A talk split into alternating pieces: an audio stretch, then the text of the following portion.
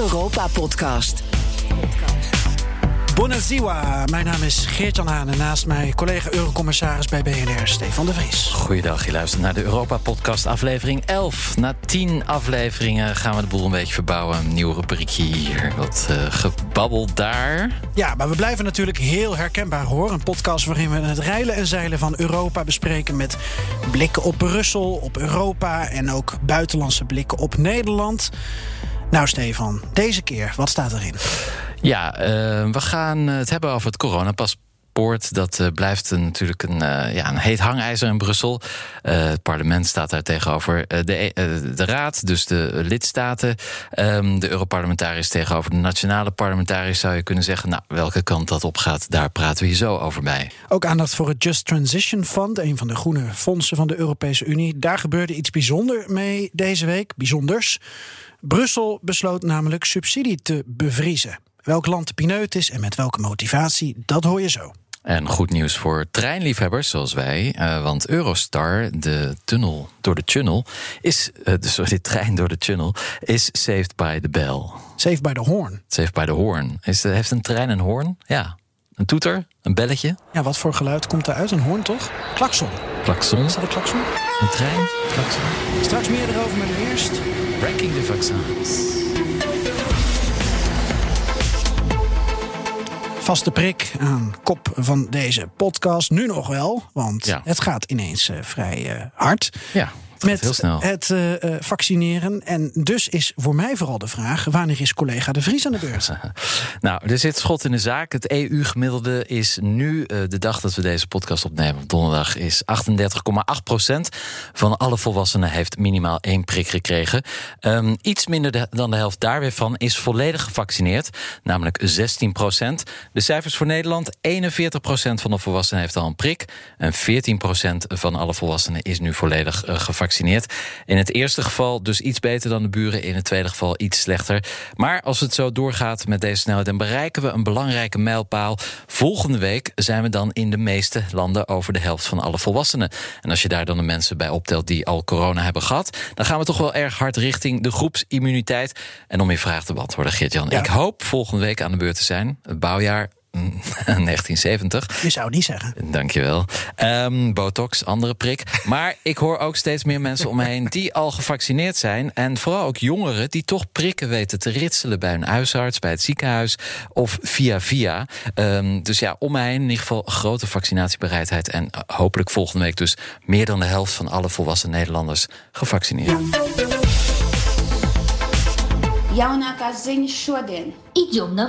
Van prikken naar stemmen. Election Watch. Tijd voor een verkiezing. We zijn dol op verkiezingen. Gebeurt er eens wat. Uh, en er zijn ook wel patronen te zien, Geert-Jan. Ja, dat vind ik wel leuk, dingen vergelijken. Ja. Uh, jij bent een man van de statistieken. Uh, en volgens mij ben jij ook wel van uh, situaties in het ene land naast Ja. die in het andere land leggen. Ja. Wat kunnen we van elkaar leren ook? Zeker, ja. En het is een jaar met belangrijke verkiezingen in en op ons continent. Nederland hebben we gehad, Bulgarije ook. Maar daar gaan ze deze, deze zomer nog een keer. Want met deze uitslag kon ze helemaal niks. Nee. En in september twee hele grote landen, Rusland en Duitsland. Ja, en over minder dan een jaar uh, weten we ook wie de nieuwe president is uh, van Frankrijk. Het is waarschijnlijk de oude president, maar daar kunnen we het komende jaar nog uh, heel vaak over praten. Ook zeer de moeite waard om de opbouw, opbouw daar naartoe te volgen. Uh, met allerlei intriges en ontwikkelingen. Uh, dus een, een druk verkiezingsjaar. Dat is ook wel mijn beeld bij Franse verkiezingen, intriges. Intriges, ja zeker. Maar ja, het probleem is, er valt eigenlijk weinig te kiezen voor de Fransen. Marine Le Pen en Macron uh, die staan, gaan nek aan nek in de, in de opiniepeilingen. dus we krijgen eigenlijk gewoon een remake van de verkiezingen in 2017. Um, ja, vrij saai als je het mij vraagt. Want er is ook niet heel veel veranderd. Het land is alleen maar achteruit gegaan. Dus de Fransen hebben weinig te kiezen. Um, het zal wel weer Le Pen tegen Macron worden. En dan Macron uh, wint uiteindelijk. Maar dat kunnen we jullie vertellen over precies een jaar. Want dan hebben we weten wat er gebeurd is. Nou, of, of niet. En we uh, kopiëren gewoon wat je nu gezegd hebt. Want dat zou best wel zo kunnen zijn. Dat, dat kan ook, ja. Hoeven we niks meer op te nemen. Precies. Zeg, aan mij de eer om uh, deze week even af te trappen en in te duiken in dat nieuws op verkiezingsgebied. En ik moet ook zeggen, hoe meer ik me erin verdiepte, hoe interessanter het werd. Dus ik vind het eigenlijk heel leuk dat we deze rubriek nu gaan doen. Ja, nou, kom maar door dan. Een lijsttrekkersverkiezing bij de DUP in Noord-Ierland. Ja. En volgend jaar zijn er parlementsverkiezingen in Hongarije. Dus die twee landen even eruit lichten. En de uitdager van Viktor Orban en zijn Fidesz-partij... die heeft zich deze week gemeld. Dus vandaar het Oh. nieuws deze week. Zit hij al in de gevangenis? Nee, Oh, maakt hij wel kans? kans ja. Heeft hij betere papieren dan Orban? Dat waag ik te betwijfelen. Zijn naam is trouwens Gergel Karacson. 45 jaar, op dit moment burgemeester van Budapest. Mhm. Een eh, liberaal, maar aanvoerder van een verenigde oppositie. En vanuit die positie wil hij dus Fidesz volgend jaar, volgend voorjaar verslaan. Op dit moment zien de peilingen een gelijk opgaande strijd. 48% zou naar Fidesz gaan, 48% naar de verenigde oppositie. Ja, maar Orbán heeft natuurlijk alle media in handen. Dus eh, ja, die zullen wel campagne voor hem gaan voeren. Interessant trouwens dat het de burgemeester is. Want je ziet hetzelfde eigenlijk in Polen. Ook natuurlijk een steeds conservatievere regering. Ehm, eh, we gaan steeds verder weg van de Europese idealen en grondbeginselen. Net als Hongarije.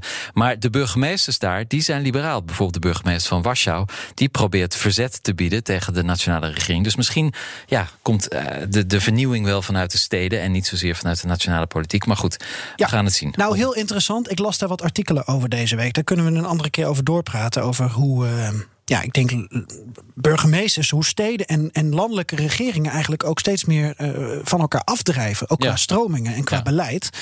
Eh, Karacjon in Hongarije die heeft een mentaal nadeel en een mentaal voordeel, klemtoon. Mhm. Bij de vorige parlementsverkiezingen was hij ook naar voren geschoven. Had jij van hem gehoord? Nee, eerlijk gezegd Nee, niet. Ik Nee. toen ook niet. Ehm, de, de, de kiezer in Hongarije ook niet echt. Nog geen 12% van de stemmen. Achter Fidesz en het nog patriotistischere Jobbik. Ja. Nou, ja, met Maar- 12% kom je in Nederland in de regering. Word je premier. Ja, maar goed, hij wil de grootste partij worden, Ja, want hij ja. wil iets veranderen. Maar hij werd daarna wel burgemeester van Budapest. En dat deed hij door een zittende burgemeester van Fidesz te verslaan. Dus eh, de ups en downs kent hij allebei. Dus ja, het wordt interessant. eh, dus die ervaring heeft hij al. Ja. Eh, ja Oké, nou dan gaan we naar Noord-Ierland. Ook ingewikkeld natuurlijk vanwege Brexit. Half in de EU, half niet in de EU. Het Verenigd Koninkrijk dat uit elkaar valt. Hoe, wat is daar aan de hand? Even een korte tease. De DUP heeft een nieuwe partijvoorzitter. Maar deze man, want het is een man, wordt enkel voorzitter en niet premier of premierskandidaat. Zoals de teruggetreden Arlene Foster was. Straks in deze Europa-podcast een profielschets en uiteraard een blik op Brexit. En jij hebt deze week ook weer allerlei Brexit-ontwikkelingen natuurlijk eh, gevolgd. Ja, Ik, eh, zeker. Ik, luister elke ochtend naar je op BNR. Dus ik ben heel benieuwd hoe jij eh, eh, naar die zaak kijkt. Eurocommissarissen Haan en de Vries houden de Brusselse zaken scherp in de gaten. Tijd voor de Europese Week, Geert-Jan. Want wat gebeurde er nog meer? Het was een week van belangrijke aankondigingen. Na 16 maanden gaan de buitengrenzen van de Europese Unie weer open. Althans niet voor iedereen, alleen voor volledig gevaccineerden. Eh, dat hebben de Europese lidstaten besloten. Eh, er is een klein clubje landen zoals Australië, China en Israël... eh, waar de burgers van die landen die mogen ook de Unie binnen. Ja, met een coronapaspoort of niet, daar gaan we het zo nog even over hebben. En het was ook natuurlijk een week waarin de Europese Unie eh, weer eens liet blijken dat ze eigenlijk helemaal geen Unie is. Er was een oproep tot een staakt het vuren tussen het Israëlische leger en Hamas. Maar omdat Hongarije die oproep niet wilde steunen, werd het een, ja, een oproep van 26 losse lidstaten. Een papieren tijger. Het was ook een week waarin een meerderheid in de Tweede Kamer pleitte voor gratis PCR-testen. Plus reisverklaringen om deze zomer toch met vakantie over de grens te mogen. Maar ja, of dat helpt in Brussel, dat is hier de vraag. gaan we het zo uitgebreid over hebben. Over dat coronapaspoort, eh alias Digital Green Certificate, alias E- eh, EU COVID-19 Certificate, alias vaccinatiebewijs, alias reisappie. Ik vind het, de, de, de naam alleen al is ingewikkeld. Wat is het toch moeilijk? Ja. Eh, we gaan het vooral hebben over de barrières die dan achter de schermen ook worden opgeworpen bij de onderhandelingen. Het is behoorlijk complex voor mij. Gelukkig kan jij het vrij goed in een paar woorden samenvatten. Maar met jouw permissie. Eh, Stefan, kunnen we het eerst anders hebben over een unieke gebeurtenis deze week in het Europees Parlement? Ja, uniek. Eh, Ik ben natuurlijk altijd eh, partij als het gaat om unieke gebeurtenissen. Maar ja, eigenlijk alles aan dit jaar is uniek. Zo is dat. Het is een onderwerp dat niet breed in de media is uitgemeten. eh, maar daarom denk ik niet minder belangrijk. En vooral het signaal dat ervan uitgaat. Er is deze week in Brussel gestemd over het Just Transition Fund. Een vergroeningsfonds, onderdeel van de Green Deal van Frans Timmermans. Met zo'n 17,5 miljard euro in het vat. Voor Brusselse begrippen is dat klein bier, geloof ik. Ja, is het ook. Hoewel, nou ja, alles is relatief. In Den Haag is dat voor het ontbijt al uitgegeven bij het ministerie van Volksgezondheid. Zonder bonnetjes en zonder te kijken. Ja, als je er zo over nadenkt, dan had Hugo de Jonge nog 300 meer aan belastinggeld kunnen stuk slaan op mondkapjes en schorten. Ja, en had ook uh, natuurlijk eh, tientallen miljoenen meer weggegeven kunnen worden aan de hulptroepen. Die ons zo uh, gast, ja, belangeloos hebben geholpen bij die mondkapjes. Enfin, het, het, het, het Just Transition Fund. Jij vertelde er vorige week al kort over, Stefan. Ja. Het, staat, het stond op de agenda en nu is het gebeurd. Bedoeld om de transitie in de Europese Unie aan te wakkeren, vooral voor specifieke regio's. Dus bijvoorbeeld ook Nederland krijgt 600 miljoen euro uit dit fonds. Ja, de energietransitie. En het leeuwendeel daarvan gaat naar Groningen en uh, nog een paar andere Noord-Nederlandse provincies. Want ja, het gaat natuurlijk om gas. Dat moet waterstof worden. Althans, niet het gas, maar de infrastructuur ligt er. Um, het kan ook iets anders zijn. Ja, ik vond het interessant dat het uh, op de agenda stond. Dus ik dacht, ik duik er gewoon eens een keertje in. En ja, is ook interessant. Het is dus natuurlijk het idee voor bijvoorbeeld Groningen, Noord-Nederland. Daar moet dan een nieuwe infrastructuur komen, nieuwe economie, groeiende werkgelegenheid, et cetera. En dat geld, die, die subsidies, die moeten daaraan bijdragen. Ja. Maar wat viel mij nou afgelopen week op? Dat het Europese parlement dit fonds heeft aangenomen. Met daarin ook enkele goedgekeurde amendementen, zoals het dan heet, wijzigingen. Ten opzichte van wat eerder was bedacht. Waaronder het principe van conditionaliteit. In normaal Nederlands voor wat hoort wat. Ja. En dat blijkt dus best bijzonder te zijn, omdat Brussel normaal gesproken vrij weinig conditionaliteit kent. Je hebt dan eens in de zeven jaar, dan komt er een nieuwe begroting. Daar zit dan ook uh, soms een afrekening in met, met wat landen um, ja, qua voorwaarden nou, uh, nou hebben dan, uh, gekoppeld aan dat geld. Maar dit kennen we niet uit de, de Brusselse subsidiepotten.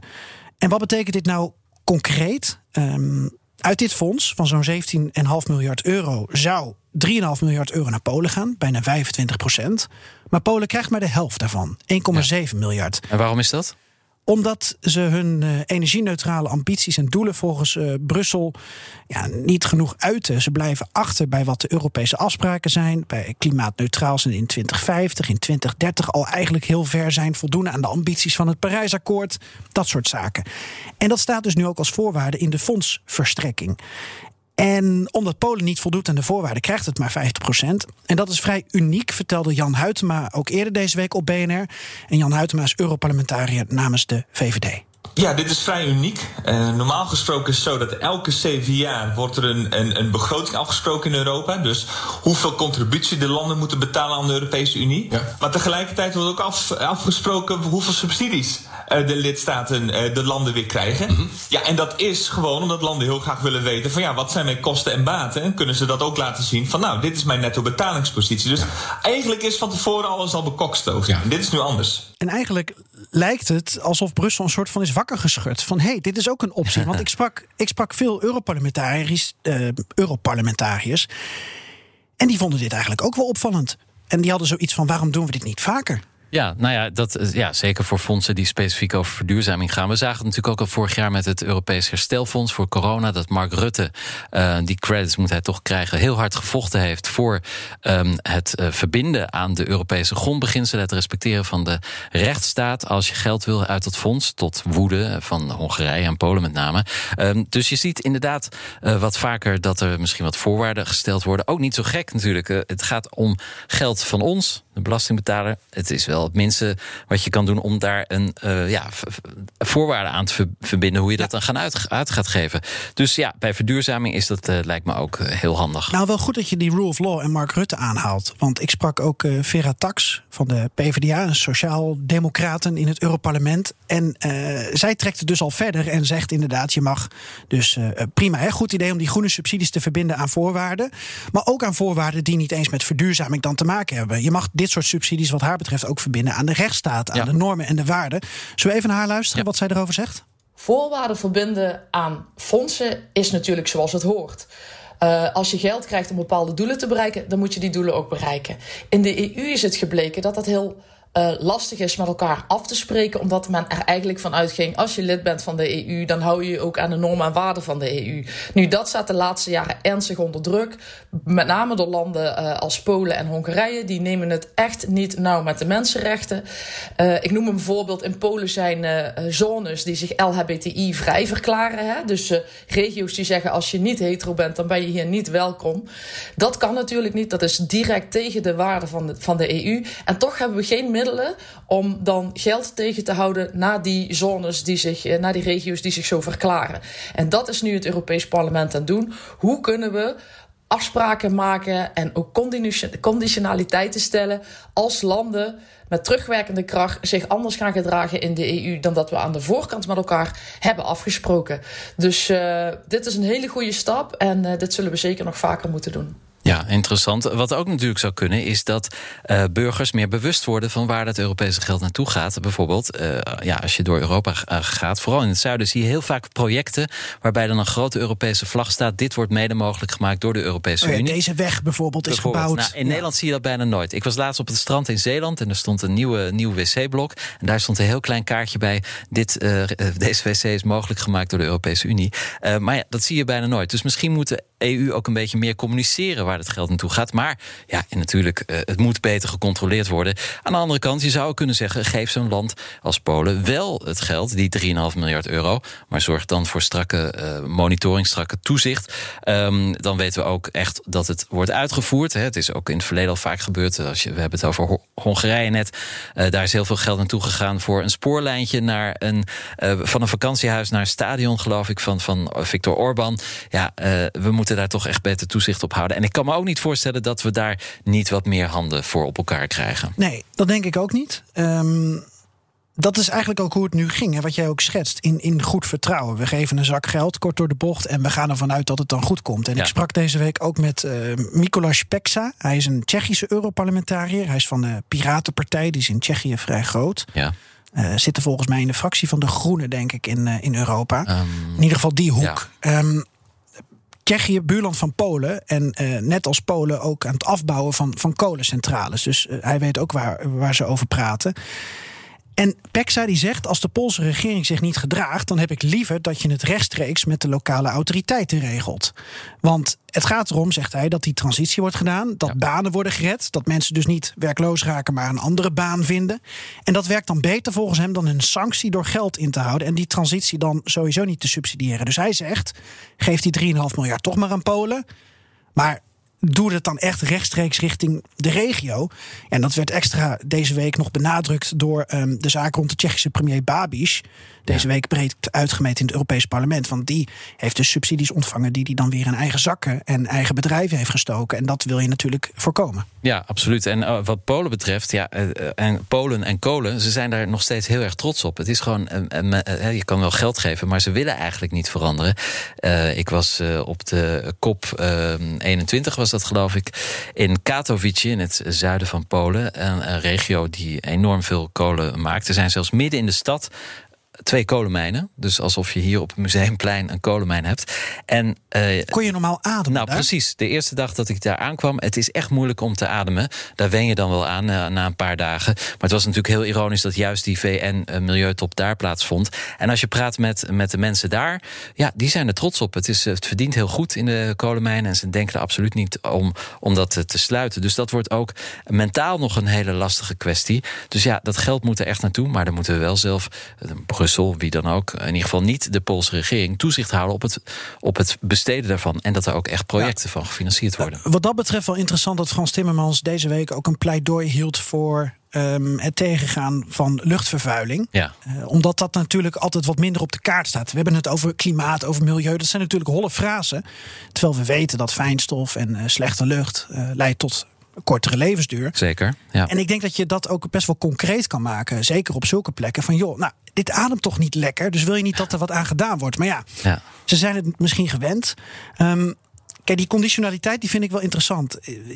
Die kolenindustrie die gaat wel verdwijnen, vroeg of laat. Vroeg of laat, ja. Maar ja. de vraag is natuurlijk hoe, hoe laat? Nou, Er was een rapport deze week van een internationaal energieagentschap, of het internationaal energieagentschap. Uh, die stellen, deze sector is over vijf jaar niet meer, hoe zeg je dat in het Nederlands? Profitable? Uh, winstgevend. winstgevend, mooi woord. Want je hebt het Europees, Europees emissiehandelssysteem nu. Je hebt een stijgende CO2-prijs. En dan, dan is het niet meer rendabel. Tenzij je het kapot subsidieert. Ja. En dat is natuurlijk wat Polen onder Kaczynski nu probeert te doen. Een soort Gallisch verzet tegen die, die kolenuitfasering. Maar daar kun je niet mee door blijven gaan. En um, dan komen ze toch wel schoorvoetend, denk ik, ooit op een persluwe vrijdagavond met nieuwe klimaatneutralere plannen. Als de Poolse pers er maar niet achter komt. En dat is dus het idee van die conditionaliteit. Het geld dat nu op de plank ligt, blijft gereserveerd voor Polen. Als ze een betere aanvraag doen, kunnen ze dat alsnog krijgen. Ja. Maar ja, wat, wat, er zijn heel veel verschillende fondsen. Ja. Hè, hoe, hoe, werkt het dan precies? Eh, jij sprak met uh, Bas Eickhout, de Europarlementariër van de Groene. Ja, met, met, vooral de vraag: um, kunnen we niet wat doen aan die wildgroei aan groene fondsen? Dit is heel vaak het resultaat van een, uh, een compromis met landen. Denk even aan Polen, die echt soms letterlijk zegt: wij gaan akkoord met een verhoogde klimaatambitie als wij dan een nieuw fonds krijgen. Dus dit is, ja, dit is helaas de, de, de, de ordinaire politieke koehandel. Heel vaak bij een nieuwe ambitie komt er ergens weer een fonds om de hoek kijken. Ehm, als je al die fondsen los van elkaar ziet, zie je wel allemaal wat precies de doelstellingen zijn. Er is een moderniseringfonds, er is een innovatiefonds, er is een Just Transition Fund, er is structuurfondsen. En als je allemaal per wet kijkt, zijn de doelstellingen net anders. Maar ik snap heel goed dat voor de buitenwacht het op een gegeven moment ondoorgrondelijk wordt. Dus je zou liever veel meer het geld willen bundelen en alles veel meer besteden aan de prioriteiten van Europa, zoals de Green Deal en klimaatneutraliteit maar ja, de eerlijkheid gebiedt mij te zeggen dat, dat we waarschijnlijk nog niet het laatste fonds hebben gezien, omdat we straks weer nieuwe onderhandelingen krijgen met een strenger emissiehandelssysteem. Ja, ik hoor nu Polen al zeggen dat ze daarvoor een energie, een energy poverty fonds nodig hebben. Ja, dus, dus ik vrees dat de politiek nog wel tot meer fondsen gaat leiden. Excuus daarvoor alvast. Het was een ja, behoorlijk hectische week. Krankzinnig, mag je soms zeggen. Volgens sommigen. Volgens sommigen. Geert-Jan, volgens jou. Over het coronapaspoort, formerly known as the Artist Digitaal Groen Certificaat. Maar nu wil het parlement dat het het EU-COVID-19-certificaat heet. Iets minder sexy en ook niet echt de toekomstproef. Want ja, straks komt er COVID-21, uh, COVID-20, noem maar op. Maar goed, um, daar gaat niet, het gaat niet over de naam ervan. Het gaat vooral over um, ja, wanneer gaan we dit invoeren, wanneer kunnen we het gebruiken. En ook nog over het gratis of niet gratis maken van PCR-testen als je met vakantie wil. En dat wordt gratis. Dat veranderde de Europarlementariërs deze week al in betaalbaar. Dus daar is al een soort van compromis. Um, op het moment van de opname van deze podcast is het niet helemaal duidelijk welke kant het nu op gaat. Um, wellicht uh, is het geklapt, overleg. Um, maar ja, ik denk uiteindelijk uh, komen er wel. Maar er zijn nog wel heel veel discussiepunten. Ja, volgens mij moet volgende week in ieder geval iets in kan en kruiken zijn. Hè? Dat wordt uh, nou, het idee was dat het deadline. deze week al zou zijn. Uh, we hebben nog uh, deze week twee dagen ongeveer. Ja. Want volgende week is natuurlijk de Europese Raad in Brussel. En daar moet het eigenlijk een hamerstuk zijn. Dus het onderhandelen, het keiharde werken, dat gebeurt nu. En dan kunnen volgende week de regeringsleiders zeggen: ja, doen we. en dan kunnen we aan de slag. Oké, okay, wij volgen dit dossier op de voet. Ja. Zijn er deze week ook weer druk mee bezig geweest. Zullen we anders in eigen land even beginnen? Uh, heb jij ook het gevoel dat de zomervakantie een soort heilige graal is? We moeten de grens over ja, straks. En het is iets wat je overal in Europa ziet. Het is echt iets wat ons verbindt. 1 juli, dat is een soort uh, ja, eigenlijk Europese feestdag. Dan begint gewoon de vakantie uh, voor heel Europa. En ja, sommige landen verdienen daar natuurlijk meer mee dan andere. met name in het zuiden, daar is het aandeel van toerisme in het BBP veel groter dan in het noorden. maar goed, de vakantie is inderdaad heilig. En dat voor iedere Europeaan. Zullen we beginnen dan met uh, dat deze week ook een motie uh, over dat gratis testen in Nederland is ingediend? Ja. Een meerderheid is daarvoor. Mm -hmm. En dat betekent, uh, zo las ik de reactie van het demissionair kabinet, dat ze nu twee weken de tijd nemen om te reageren. Ze gaan ja. kijken of er juridische haken en de ogen aan zitten en of het dus kan dat Nederland zonder overleg met andere lidstaten dus, eh, het testen en die reisverklaringen die je nodig hebt om naar een ander land te gaan, of ze die dus ja, kunnen subsidiëren vanuit de overheid. En ik zag dat CDA, D66 en ChristenUnie, die, die zijn onderdeel van die, van die meerderheid, VVD niet. Ja, hoe kijk jij hiernaar? Nou, kijk, ten eerste hoeven we dit niet te overleggen met de andere lidstaten. Het is gewoon iets wat Den Haag kan beslissen, of de hoofdsteden. Daar, gaat eigenlijk ook het debat over. Hè? Want er zijn andere landen die het al lang wel gratis hebben gemaakt. In Frankrijk betaal je er niks voor. Uh, hier uh, kost het je zeker 100 euro. Ja, gratis maken, ja, het is ook de overheid hè, die de barrières opwerpt om te gaan reizen. Weliswaar om gezondheidsredenen. Uh, maar toch, je werpt iets op en dan leg je de rekening bij de burger. Um, ik vind dat het gratis moet zijn, want je, je raakt ook groepen die misschien niet zo heel veel budget hebben voor een vakantie. Stel, uh, je hebt hard gespaard, 1000 euro voor een vakantie. En dan ineens je hebt twee kinderen, 16, eh, 18 misschien, twee volwassenen, dan zit je aan 400 euro al, alleen al aan testkosten. Nou ja, uh, daarmee creëer je grote ongelijkheid. Nu klink ik ineens als een communist, maar uh, ik denk dat het oneerlijk is ook omdat we, ja, het wordt een, voorwaarde om met vakantie te kunnen gaan, om, om die 100 euro te kunnen betalen. Ja. Um, nou, dan kom je ook wel, raak je ook wel het, het principe van Schengen natuurlijk. Ook dat, ja, ja zeker. Want ja, het, het is weer een nieuw obstakel om te kunnen reizen. Aan de andere kant, uiteindelijk betaalt. Uh, betalen we altijd de rekening, de burger. Want daar komt het toch weer op neer. Als het betaald wordt door de overheid, is het belastinggeld en zo verder. Ook als er geen bonnetjes van zijn? Ja, vooral als er geen bon is, dan maakt het veel, veel makkelijker.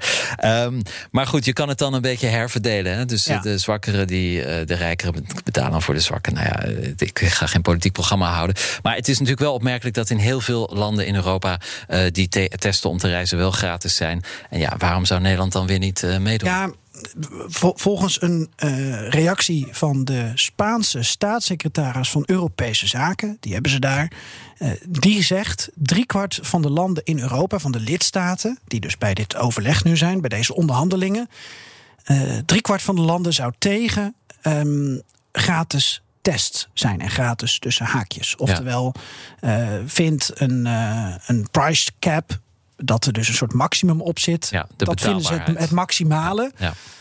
En toen dacht ik van hoe kan het nou dat Spanje daar dan tegen is? En, en toen ging ik me erin verdiepen. En wat blijkt, en, en correct me if I'm wrong, maar als jij en ik naar Spanje zouden gaan, dan doen we in Nederland een test. Ja. Dat doen we niet bij de GGD, want die willen geen tests nee. afnemen voor een reis. Dus dan ga je naar een, uh, een winkelcentrum. Een commerciële test ja, aanbieden precies. in het winkelcentrum. Ja.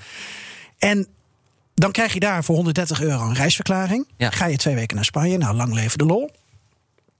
En dan moet je weer terug, maar dan heb je ook weer een test nodig. Precies, ja. En die neemt Spanje dan af. Ja, en, het is gewoon business. Ja, maar ja. je zag dus, al die zuidelijke lidstaten... die willen natuurlijk dat het toerisme uh, weer gaat floreren. Maar als zij dus al die toeristen krijgen... dan moeten ze als overheid ook al die toeristen subsidiëren. Ja. Want jij en ik doen dan in Spanje een test. Die betaalt de Spaanse overheid om weer terug te mogen naar Nederland. Ja. Dus Ja. dat is de reden dat driekwart van die landen tegen is. Ja, en ook natuurlijk in die landen, dat zie je ook in Frankrijk, uh, Spanje ook, Italië. Driekwart van de mensen gaat in eigen land met vakantie. Want het zijn natuurlijk fantastische vakantielanden. Dus waarom zou je naar het buitenland gaan Ja. als je daar al woont? Um, ja, dus je kan het ook zien als een cash cow. Dus ja, de Raad staat op het punt dat dit een zaak is van de nationale lidstaten. Uh, met andere woorden, ieder voor zich. Het parlement wil dat het centraal geregeld wordt. Maar ik zie dat nog niet zo snel gebeuren. Het is echt een, de wil uh, of onwil van de nationale parlementen om, om hier een, uh, ja, een, een, testen gratis te maken. Uh, of niet, of voor een klein bedrag. Als het een tientje is, kijk, dan, nou ja, goed, dan valt er misschien nog over te praten. Maar dit is iets wat zich af gaat spelen in ja, de Tweede Kamer. Want er zijn diverse discussies nu tussen het parlement en de raad.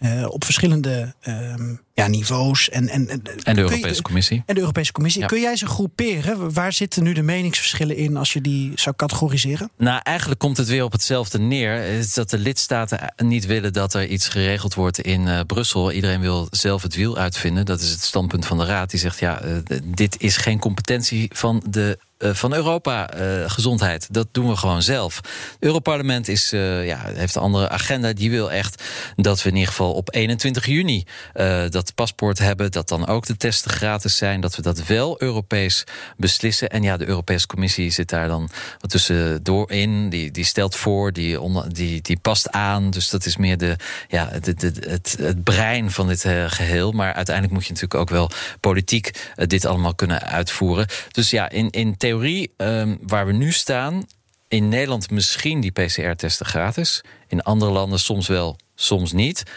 Het coronapaspoort, waarvan de naam al twintig keer is veranderd, dat is vanaf 21 juni uh, operationeel. Dus in theorie kan iedereen die die dag minimaal één vaccin heeft gekregen of al corona heeft gehad, maar ja, hoe je dat dan weer moet bewijzen, um, of een negatieve PCR-test heeft, vanaf dan met vakantie. Dat van die ene prik snap ik nog niet helemaal. Want dat, dat zegt de Raad of dat zeggen de, de, de lidstaten. Maar daar heeft het parlement toch nog niet mee ingestemd? Nee, nee dat is natuurlijk ook een, een medische discussie. Ben je genoeg beschermd na één prik? Uh, het probleem is, en dat is dan een politieke, economische kwestie. Stel, je hebt eind juni een prik gekregen, of half juni, hè, als je in de 30, 20, 30 valt, 30 jaar oud. Nou, dan zitten er soms drie, vier, vijf, zes weken tussen de volgende prik. Als het half juni is, zes weken daarna, is het alweer begin augustus. Dan is de vakantie bijna voorbij. Dus dan heeft het eigenlijk niet zoveel zin meer. Testen?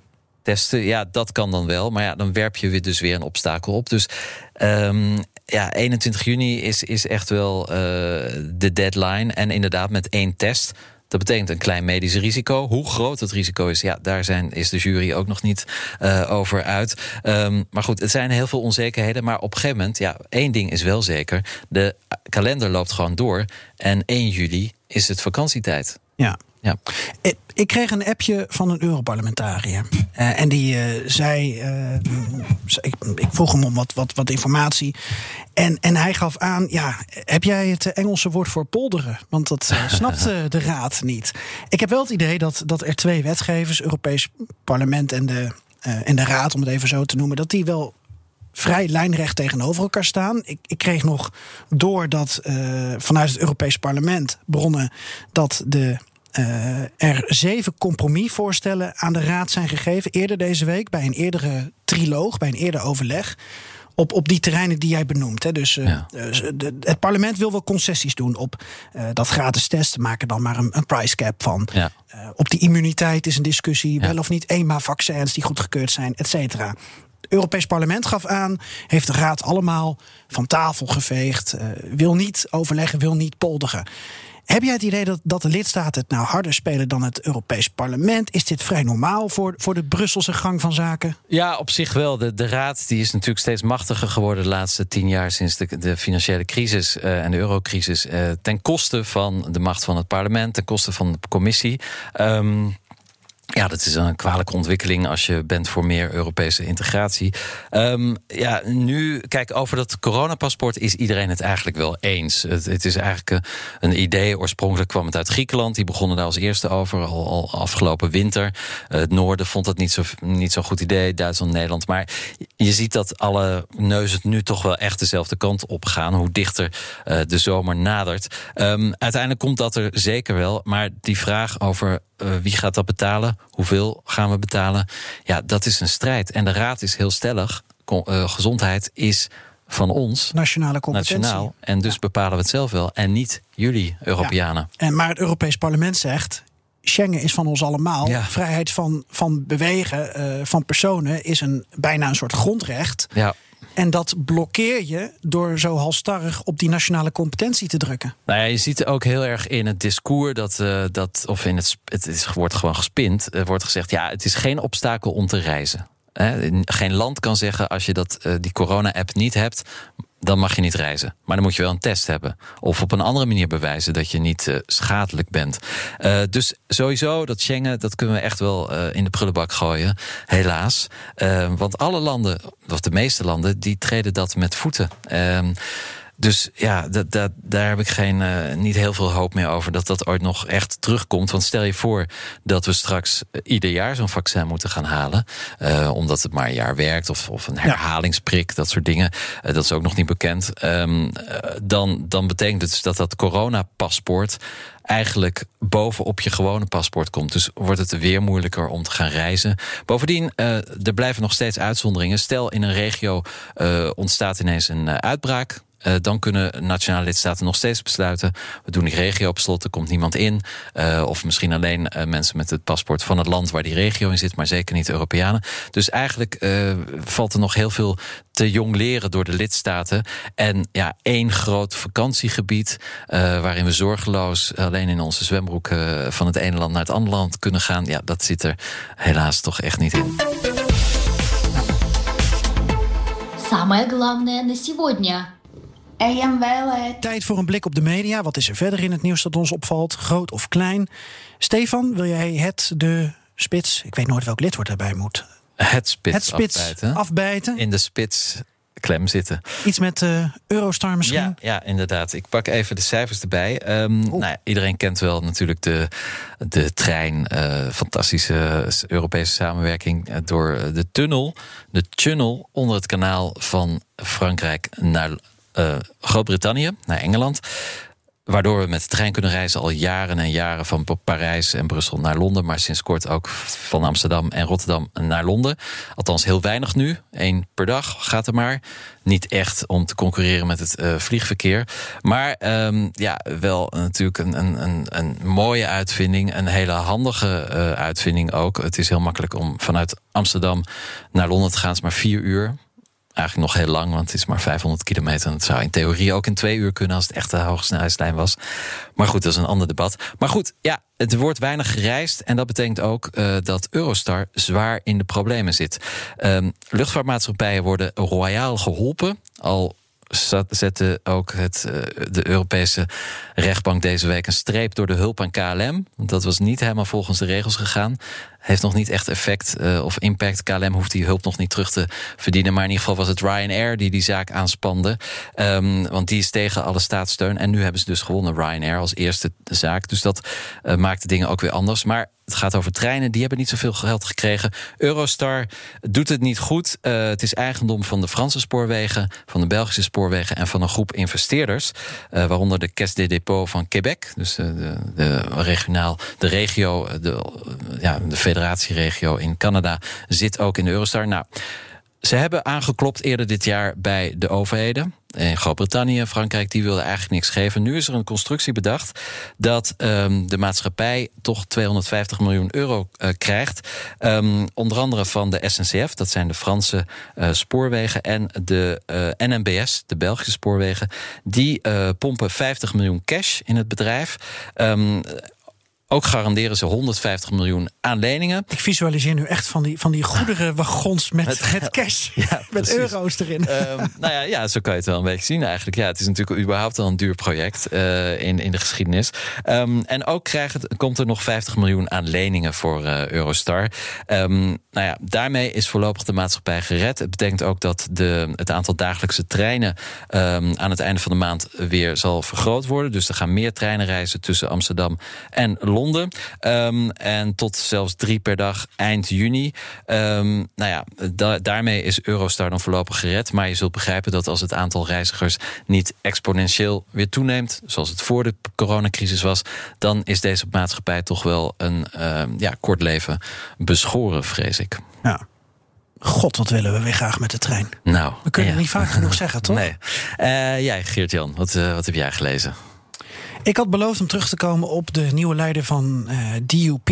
En ja. ik doe dat dan ook wat graag, uh, ja, graag wat uitgebreider in. Mm -hmm. Deze rubriek met ook wat leestips voor wie ook geïnteresseerd is. In de, in de show notes kan ik ze erbij zetten.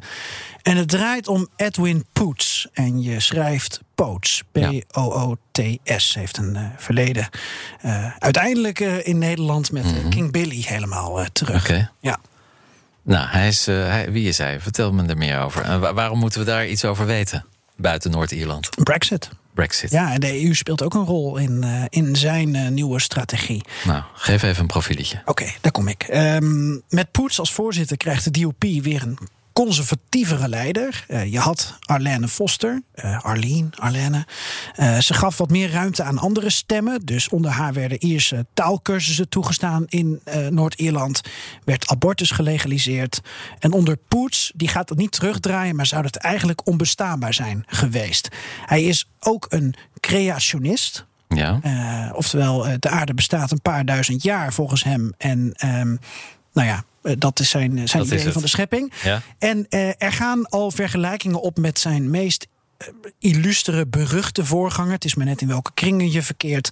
De orthodox-protestantse dominee en politicus Ian Paisley oprichter ook van DOP. En de man die ook ooit een toespraak van de paus verstoorde, 1988. Stond hij daar met een bord in de zaal tegenover Johannes Paulus te roepen dat hij eh, de tweede, dat hij uh, de antichrist was. Paisley werd de zaal uitgepleurd. En Paisley die, die, die leek katholieken ook echt in zijn vroege jaren te haten. Uiteindelijk, in 2007, vormde die met Gary Adams van Sinn Féin voor het eerst gezamenlijk een regering. Nou, dat, dat is Paisley, maar dan heb je even een beetje context erbij. Um, Paisley was halstarrig, voor de mensen die dat nog weten. Poets is dat ook. Of standvastig, zou je het ook kunnen noemen. Ja. ja. maar hij is dus de leider, nieuw leider van de DUP. Maar wil hij dan ook de baas worden van Noord-Ierland? Hij wil geen premier worden. Nee. Uh, hij denkt dat hij op deze manier misschien wel meer aan de touwtjes kan trekken. Uh, hij is minister van Landbouw. Uh, veeboer ook trouwens, maar dan ja. trek je niet zo heel veel aan touwtjes. ja, als je de Aan uitjes. Aan uieren, uieren bedoel ik. hij wil graag minister blijven en leider van de DUP, dus voorzitter. Een beetje Kaczynski als in Polen. Je had het al over Polen. Ja. En uh, Poets is radicaal tegen hereniging met Ierland, tegen het homohuwelijk, tegen het recht op abortus, et cetera. En uh, verschuivingen daarin, zoals onder zijn voorgangster gebeurde, dat wil hij niet uh, meer laten gebeuren. Ja, dus wat betekent dat dit voor, voor, voor Brexit en de nasleep? Want ja, Noord-Ierland zit in een hele rare positie. Ja, hè? ja ja, jij hebt het deze week ook weer uh, gevolgd. Dus ik ben zo uh, benieuwd hoe jij hier naar kijkt. Um, Poes uh, staat bekend als vrij onvermurfbaar. dat Boris Johnson de DOP een paar jaar terug onder de bus gooide. Hè, nadat, May, nadat Johnson May had opgevolgd. ik denk dat hij daar anders op zou reageren. Um, het is een interessante tegen- en, en medestander voor, voor Johnson. En het schijnt dat we moeten letten op 12 juli. Die datum wordt genoemd in de Britse pers als een deadline dat Johnson de discussie um, over de Ierse Zee moet beslechten. Uh, dus wel of geen grens daarin. Ja. Uh, en wat er nu dan ligt is het Noord-Ierland-protocol. Ja, tussen de Europese Unie en Groot-Brittannië. Ja, en waar veel tegenstanders dan weer van zeggen, waaronder Poets, dat is eh, gewoon in strijd met de Goede Vrijdagakkoord. Het werkt ook niet. De Noord-Ieren willen geen douanecontroles nee. in hun havens. En het is voor de unionisten gewoon onverteerbaar. Ja, maar Brussel zegt, ja, akkoord is akkoord. Hebben jullie zelf getekend. Er valt niks meer te onderhandelen. Dit is het. Ja, Poets denkt van wel. Die denkt dat een oplossing binnen twee maanden mogelijk moet zijn. in overleg met Londen, Dublin en Brussel en Belfast dan dus. Dus wil ja. wel al die partijen bij elkaar. En ja, hij moet, hij moet eerst in eigen land orde op zaken stellen. Ja. Hij moet de unionisten weer gaan, uh, gaan verenigen, want die dreigen in allerlei stromingen uit te vallen. En hij blijft ook minister van Landbouw, omdat, en dan kom je weer bij dat protocol uit, hij wil eigenlijk dat protocol systematisch ondermijnen en ontmantelen. Dus die grensposten in de havens, die zijn volgens mij zelfs nog niet eens operationeel op dit nee, moment. Nee. Die wil hij dan zelf ook weer weghalen. Dat is misschien meer, meer symboliek ook, Ja, hè, als je ja. dan nog minister bent en daarover gaat. Maar ja, je blijft de rare situatie houden dat Noord-Ierland natuurlijk fysiek verbonden is aan het Ierse eiland. Ja. Dat onderdeel is, althans Ierland, de Republiek Ierland, onderdeel is van de Europese Unie. Niet verbonden is met het Verenigd Koninkrijk, waar het dus bij hoort. Uh, dus ja, je moet iets doen. Uh, dat is iets waar al jaren en jaren over gesteggeld is. Dus sinds het Brexit-referendum, volgende maand alweer vijf jaar geleden. Um, en dat Noord-Ierland-protocol moest dat dan regelen. Noord-Ierland bleef onderdeel van de EU als het gaat om het vervoer van goederen en, en mensen naar, naar Ierland. Ja. Maar er moeten wel in de Ierse Zee controles zijn. Want ja, misschien gaat Engeland dit protocol wel gebruiken om stiekem uh, dingen naar Europa te transporteren die niet voldoen aan onze. Uh, normen en waarden. En wat interessant is, is dan zou je kunnen zeggen: ja, um, die normen en waarden, uh, eigenlijk zijn de Britten alles wat zij doen eh, als het gaat om voedsel en, en ook apparatuur, dat is allemaal nu nog in overeenstemming met de Europese uh, regelgeving. Dus er is niks aan de hand, want ja, ze zaten in de EU. Dus dan kan je zeggen, dan kun je dat toch vastleggen als Britten, dat jullie houden aan de Europese regels. Maar dan kom je op een politiek probleem. Alles in het Brexit-referendum ging natuurlijk over take back control.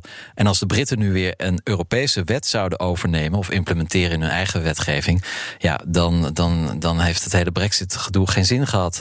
Dus het is een, ja, eigenlijk heel Kafka-achtig. Uh, het gaat nergens over. Maar ondertussen zien we natuurlijk ook wel weer uh, de onlusten op, oplaaien sinds vorige maand in Noord-Ierland. Uh, handelsproblemen ook. Vrachtwagens moeten wat langer wachten. Dus meer bureaucratie. Soms zijn er lege schappen in supermarkten. Mm. Dus het heeft wel degelijk concrete effecten. Maar ja, er ligt een protocol. Dat is getekend door alle partijen. En wat Brussel betreft, blijft het daarbij. Mag ik één ding nog aan je vragen, hierover? Ja. Want die uh, onlusten waar jij het ook weer over hebt. Kijk, uh, Poets en andere mensen die uh, van dat Noord-Ierland-protocol af willen, die, die zeggen dan wel heel slim: ja, we willen de vrede bewaren. We willen ja. toch niet allemaal verantwoordelijk zijn voordat er weer oorlog is tuurlijk, tuurlijk. in Noord-Ierland. Ja. Maar dat is dan eigenlijk ook weer een soort, een soort drukmiddel. Ja. Uh, richting de EU om te zeggen van wijzig dit voor de lieve goede vrede. Nou, dat is ook de, ja, letterlijk en figuurlijk. Dat is ook de reden waarom Brussel dat Noord-Ierland-protocol heeft. Want er is geen harde grens tussen Noord-Ierland en Ierland. In de hoop dat het dan, hè, dat, dat iedereen een beetje kalm blijft. Nou, je ziet nu een paar maanden na uh, dat Brexit echt van kracht is, dat dat al niet lukt. En inderdaad hebben we daar een groot probleem. Ondertussen wordt ook de roep toch van, vanuit de, dan de katholieken om toch te verenigen, te herenigen met Ierland ook steeds groter. dat zou natuurlijk de oplossing kunnen zijn. Gewoon het hele Ierse eiland wordt Ierland. Maar ja, dan heb je weer de protestanten in Noord-Ierland, die, die misschien dat niet willen. Um, ook al zijn ze eh, voor een groot deel voor de Europese Unie, dat is ook weer tegenstrijdig. Dus het is een vat vol tegenstrijdigheden. Maar het is ook een kruidvat dat zomaar kan ontploffen. Dus ja, een, een lastige situatie.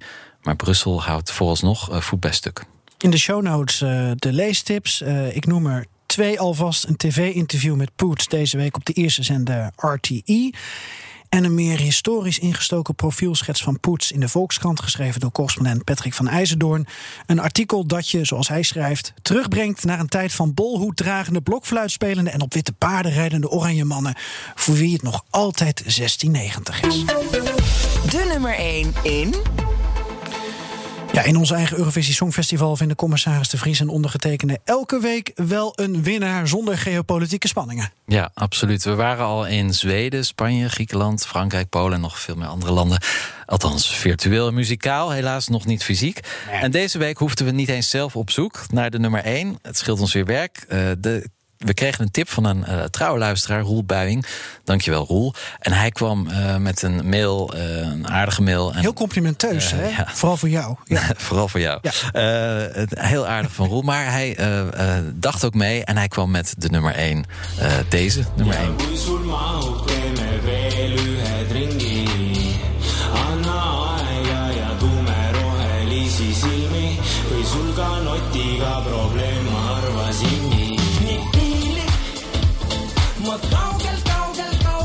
Dit is dus een Estische hip-hop formatie. Uh, vijf minuten. Uh, ik weet eigenlijk niet hoe je het in het Estisch goed uitspreekt. Je schrijft uh, vijf minust. Ja. Nummer heet Gloria. Erg succesvol in Estland onder jongeren daar. Met veel uh, gevloek en slang en straattaal.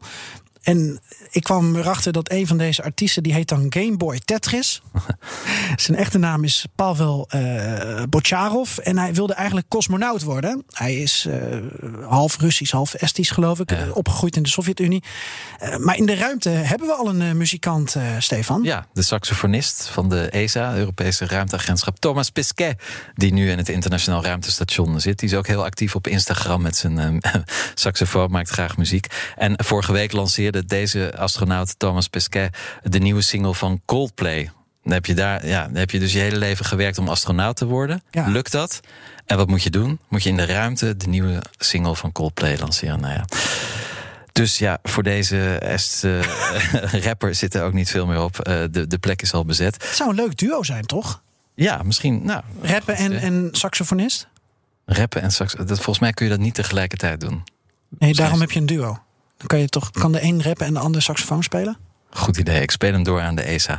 Uh, al deze nummer 1's overigens staan ook in een playlist op Spotify. Even zoeken op BNR Podcast Europa uh, Muziek. En uh, dan vind je al deze ja, Euro-bagger op een rijtje. Ja, dat vond Roel ook, hè? Eurotrash. Ja, ja, ja het is grappig. Het, het, lijkt allemaal op elkaar, maar goed, ze staan dus allemaal in een playlist BNR Europa Podcast Muziek.